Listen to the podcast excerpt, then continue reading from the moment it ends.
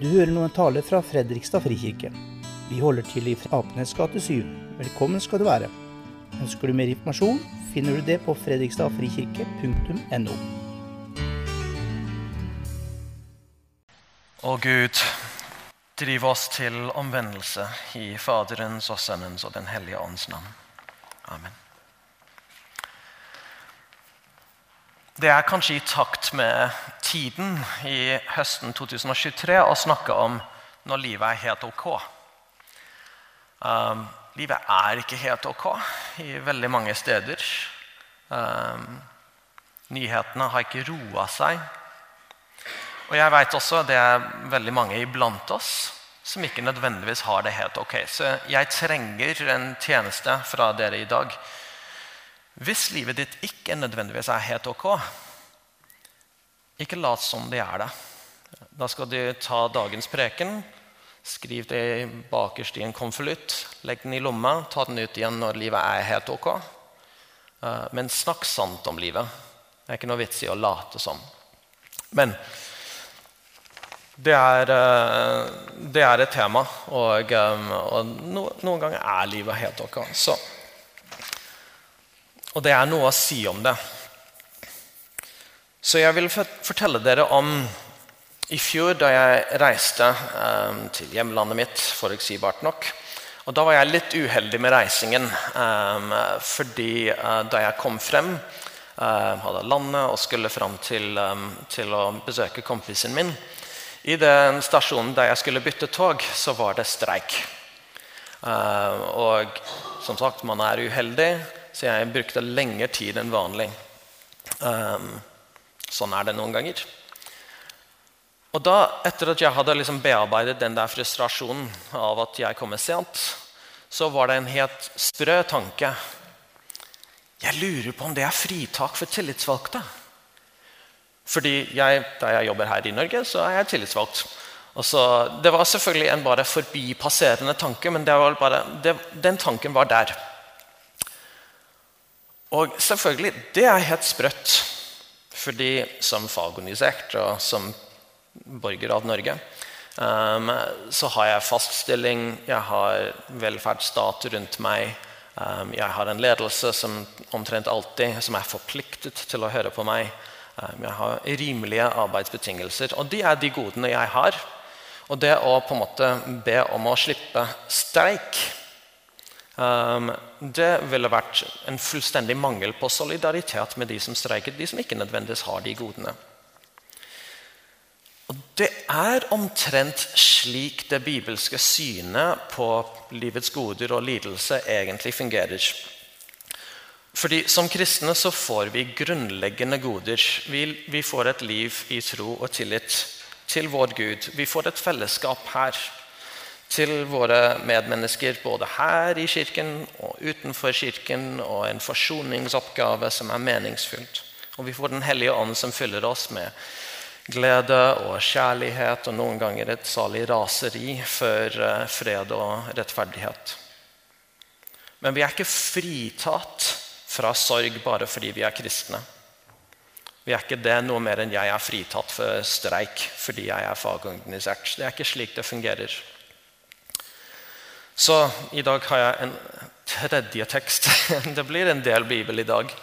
Eh, men dere kan eh, bli sittende mens vi leser fra eh, evangeliet etter Matteus kapittel 5. Dere har hørt at det er sagt du skal elske din neste og hate din fiende. Men jeg sier dere, elsk deres fiender. Velsign dem som forbanner dere. Gjør godt mot dem som hater dere og be for dem som mishandler dere og forfølger dere.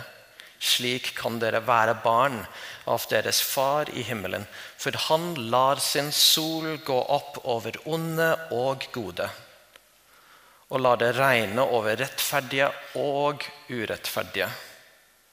Om dere elsker dem som elsker dere, er det noe å lønne dere for? Gjør ikke tollerne det samme? Om dere hilser vennlig på deres egne, er det noe storartet? Gjør ikke hedningene det samme? Vær da fullkomne, slik deres himmelske Far er fullkommen. Amen. Så det står også rundt her Gud respekterer ikke personer. Og det sies om Jesus at Jesus ikke respekterer personer. Det er en, en, liten fortelling om en av mine yndlingsforfattere, Teresa av Avila. En spansk eh, på en måte mystisk forfatter fra 1500-tallet. At hun var ute på eh, reise på, på en måte en herrens ærend. Um, og, um, og, vogna hennes velta på en ujevn sti, og hun ble kasta ut. Og, og der hun satt på bakken, så ropte hun ut til Gud. Hvis det er slik du behandler dine venner, så er det ikke så rart at du har så få av dem. Og jeg syns det er litt gøy, da. At Gud ikke har nødvendigvis så veldig mange venner fordi Gud ikke behandler dem godt. Fordi det er slik at vi kristne vi blir ramma av ulykker. Og vi blir ramma også av sola. Akkurat sånn som alle andre. Så hva skal vi gjøre? Noen ganger er faktisk livet helt ok. Noen ganger er det ikke streik. Og Per og noen av de andre har sagt i løpet av dette semesteret at hvis livet ikke er så bra, hvis du rammes av, uh, av tragedie, så er det ikke fordi du ikke er et godt menneske. Altså, Gud, er, du, Gud elsker deg. Det var sånn som Teresa ville si, liksom, Noen ganger så er det en rar måte til å vise det. Men, men hvis du rammes av uhell, så er det ikke fordi det er straff. Og Da må vi faktisk ta den andre halvdelen av den sannheten. Hvis livet faktisk er helt ok, så betyr det ikke nødvendigvis at det er fordi vi er gode mennesker. Og Vi hører en del av den forskjellelsen rundt om i verden. Hvis du på en måte er trofast, hvis du ber hardt nok, da kommer alt til å gå på skinner. Og Det er ikke slik Bibelen beskriver det. Noen ganger så er livet ok, også for de onde. De gode og de onde. Sånn er det bare. Gud sender sitt regn på de rettferdige og de urettferdige. Gud er ikke partisk, fordi gaven er allerede gitt. Og ingen regn og ingen sol kan helt sammenlignes med at Gud sendte sin sønn den enbårne for at hver den som tror, ikke skal gå fortapt, men ha det evige liv. Så Det er i hvert fall ikke en tolkningsvei vi kan gå. Når livet er helt ok, så er det ikke nødvendigvis vår fortjeneste. Men hva skal vi da gjøre? Hvordan skal vi reagere? For det første, det er fortsatt lov å være takknemlige. Dette er ikke en belønning fordi du nødvendigvis har gjort, gitt ekstremt mye kollekt i år. Eller, um, eller gått, uh, gått, veldig mye i kirke. Men det er fortsatt Guds gave hvis livet er helt ok. Sånn som alt annet. Uh, det står skrevet all god gave og all fullkommen gave kommer ovenfra, fra Ham som er himmellysenes far. Hos ham er det ingen forandringer, skiftende skygger. Det var en periode i, i, kirkens historie da det var nesten slik at hvis du hadde det godt, så skulle du skamme deg. Hvis du på en måte hadde nok av mat, um, og du faktisk ja, livet, Herrens glade dager er ikke det det heter. Hvis du levde Herrens glade dager, da burde du egentlig skamme deg. Og Det er ingenting i Bibelen som virker i den retningen. Du skal ikke skamme deg fordi du er lykkelig. Tvert imot sier det gang etter gang. Gled dere. Igjen sier jeg, gled dere. Eller i Jakobs brev. Er det noen glas til sinns, da skal de synge lovsanger. Du skal. Så du skal ikke skamme deg hvis livet er helt ok. Gå til Salmenes bok. I Salmenes bok så finner du både klagesanger og gledesanger. Og Begge de to har sin plass, og du skal ikke ha dårlig samvittighet hvis du er glad. Du skal heller ikke ha dårlig samvittighet hvis ting faktisk er vanskelig, og de sier 'dette her takler jeg ikke'. Og faktisk, hvis du klager til Herren Det er veldig mange fromme mennesker til klager, som klager til Herren, og det er helt ok. Ok, Så det var det første. Du får lov til å være takknemlig. Det andre leste vi fra Paulus, og det hørtes litt skummelt ut. ikke sant? Guds godhet driver deg til omvendelse. Og Når ting høres litt skumle ut, så skal vi lytte litt uh, forsiktig. Og faktisk, Ordet omvendelse har en litt spesiell plass i, um, i særlig vår kirkes historie. Fordi det var et ord som gjorde Luther rasende. um, fordi Jeg har slått dette opp fordi jeg måtte sjekke det. I de gamle oversettelsene Han hadde en, en kjepphest om det. De gamle oversettelsene de hadde um, dette Guds godhet driver deg til bot. Um, og Nå er det fire uker siden bots- og bededag, men, det, men det, er det, det, er samme referansen. Bot var liksom den øvelsen som presten gir deg etter at du har skriftet. Etter at du har bekjent dine synder, så sier de liksom, da skal du gå ut og gi så og så mye penger til veldedighet. Du skal bruke så mye tid i bønn. Og, og Luther skulle ikke ha noe av det. Uh, Martin Luther var um, blant annet en veldig nådefull mann, men også veldig god i gresk. Eh, så han gikk tilbake til den originale gresken. Og der står det ikke bot, det står en endring i sinnet. Liksom en endring i tankemåtene dine. Så um, det er nesten Guds godhet driver deg til et skifte i tenkemåte. Og Vi hører også liksom gjenklang, i dette, um, gjenklang av dette i noen av disse andre tekstene fra Hosea. Um, derfor har jeg sendt profetene ikke jordskjelvene og sultkatastrofene, men for å drive folk til omvendelse. Profeter, ord, faktisk. Og min dom går opp som lyset, ikke som mørke. Og Når Jesus siterer dette um, litt senere i um, den teksten som, jeg leste, så står det det er um, barmhjertighet jeg vil ha, ikke offer. Det er noe som vi trenger å ta til oss. Det er ikke alltid Gud, er for, Gud er, måte, krever at vi ofrer enormt mye. Fordi Jesus sier det flere ganger. faktisk. Det dukker igjen, igjen opp. Det er barmhjertighet jeg vil ha, ikke offer. Og Dette er et mønster som går igjen og igjen i Det nye testamentet og i Bibelen generelt. At når livet er ok da kan vi faktisk høre, da kan vi lytte til kritikken til profetene. Og det er ikke når vi er dypt i krise at vi skal gjøre det. Det er ikke når folk ligger nede til, um, at de er klare til å ta imot konstruktiv kritikk. Det er ikke da. Og det er kanskje et dårlig trekk eller en dårlig valg. Midt i tragedie eller sykdom og all støtten rives bort, det er ikke da du gir dem konstruktiv kritikk. Da trenger de trøst, da trenger de kjærlighet, da trenger de støtte. Og Jeg har hørt at vellykkede par, ektepar um, gjør dette. Um, hvis man akkurat har hatt en krangel. Det er ikke da du tar et oppgjør i forholdet. Det er ikke da du kommer med et vennlig råd. Liksom, til neste gang. Fordi da fortsetter du krangelen. ikke sant? Men i fredstid så kan man ta opp liksom, ah, hvordan har vi det, hvor er vi i forholdet vårt. Hvordan kan vi bli bedre kjærester overfor hverandre? Ta en liten gjennomgang. Hvordan står ting til? Og Slik er det også med vårt liv med Gud.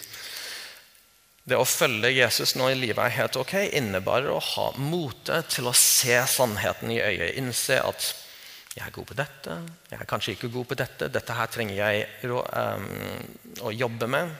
Fordi Guds godhet leder oss til en endring i tenkemåten vår. Og til dere som ikke er i romantiske parforhold. Vi ser det også når vi ikke presser oss sjøl um, for mye med når ting allerede er vanskelig, men når vi har det godt. Da kan vi øve oss i måter til å være lykkelige som er litt mer holdsom, litt mer konstruktive. Um, som f.eks. å være takknemlige å øve seg på takknemlighet. Sånn som vi, vi har hørt allerede sagt i dette semesteret flere ganger. Å være gjestfrie.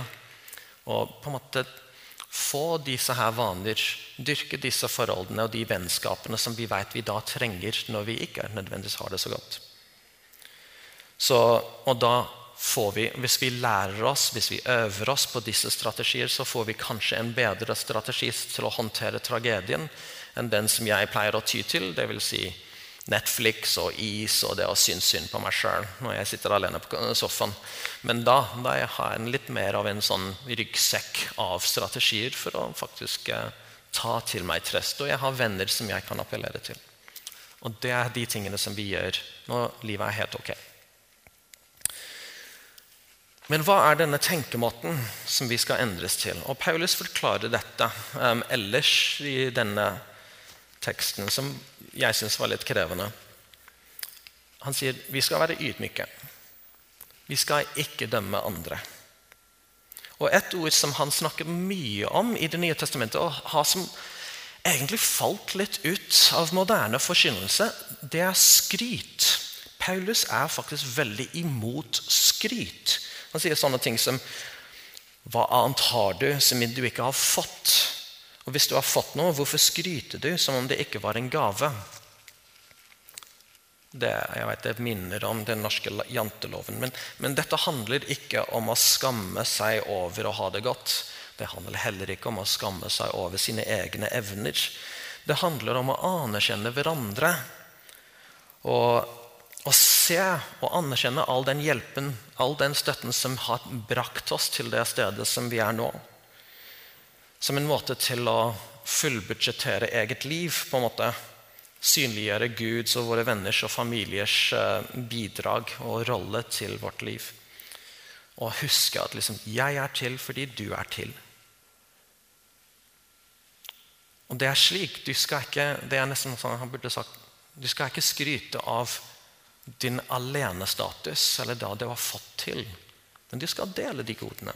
Og igjen, dette har med ydmykheten eh, å gjøre. At vi trenger hverandre, og innse at vi trenger hverandre. Også når livet er godt. Også når vi er fristet til disse drømmene om en selvstendig og alene helt. Eh, en visjon om at 'jeg har fått det til på min egen innsats'. Ydmykhet det er på en måte en måte til å dele den gaven vi har fått av, eh, av Gud. Å anerkjenne Gud, men å også um, huske at når Gud fritar oss fra all dom, så må vi også frita hverandre fra all dom. Og Hvis vi faktisk skal ta for alvor dette resonnementet hos Paulus om at det er Guds godhet som fører oss til omvendelse, da må vi innse at de, de, folk som ikke nødvendigvis opplever enormt mye godhet, de skal ikke være så kravstore. Vi skal ikke være så kravstore overfor de. Det er um, I Sven Åsmund Tveit sin bok um, 'Onsdagslunsj med ørkenfedrene', tror jeg det heter, så snakker han om en, um, en Makarius. Og Det sies tydeligvis om Makarius at han ble som Gud på jorden. Fordi akkurat sånn som Gud beskytter verden, slik ville Abba Makarius dekke over de feil som han så, som om han ikke så dem. Og de feil som han hørte, som om han ikke hørte dem. At vi skal ignorere hverandres feil. Og Det er en utrolig viktig evne. Og det er klart, Jeg maner ikke til korrupsjon. Uh, hvis vi dekker over bare våre egne feil eller våre venners feil, det er korrupsjon. Men hvis vi på en måte ignorerer alles feil og ikke legger oss opp i alles feil, det heter raushet. Det. det heter romslighet. Og faktisk, romslighet er en ganske jeg måtte slå det opp, romslighet er faktisk en ganske god oversettelse av dette ordet godhet, um, som, som dukker opp i dagens tekster. Så det er en kontinuitet mellom det at Gud ikke dømmer oss, og at vi da ikke dømmer hverandre. Um, og, um, så det er, det er, to punkter på denne kontinuitet mellom Guds væremåte, uh, væremåte mot oss og vår væremåte mot andre når livet er helt ok. Den første er at Gud er god og tålmodig med oss så vi kan være gode og tålmodige mot hverandre.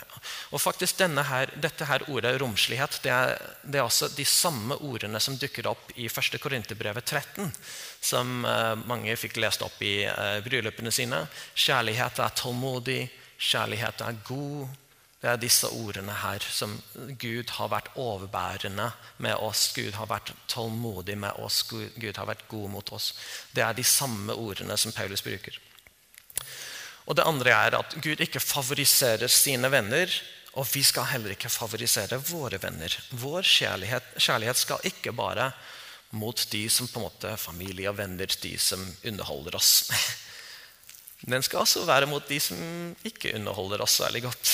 Og de som kan være fiender. Jeg vet Det er ikke veldig 2023 å ha fiender. Um, hvem er en erkefiende? Um, men, men, poenget er at vi skal dele den kjærligheten litt bredere.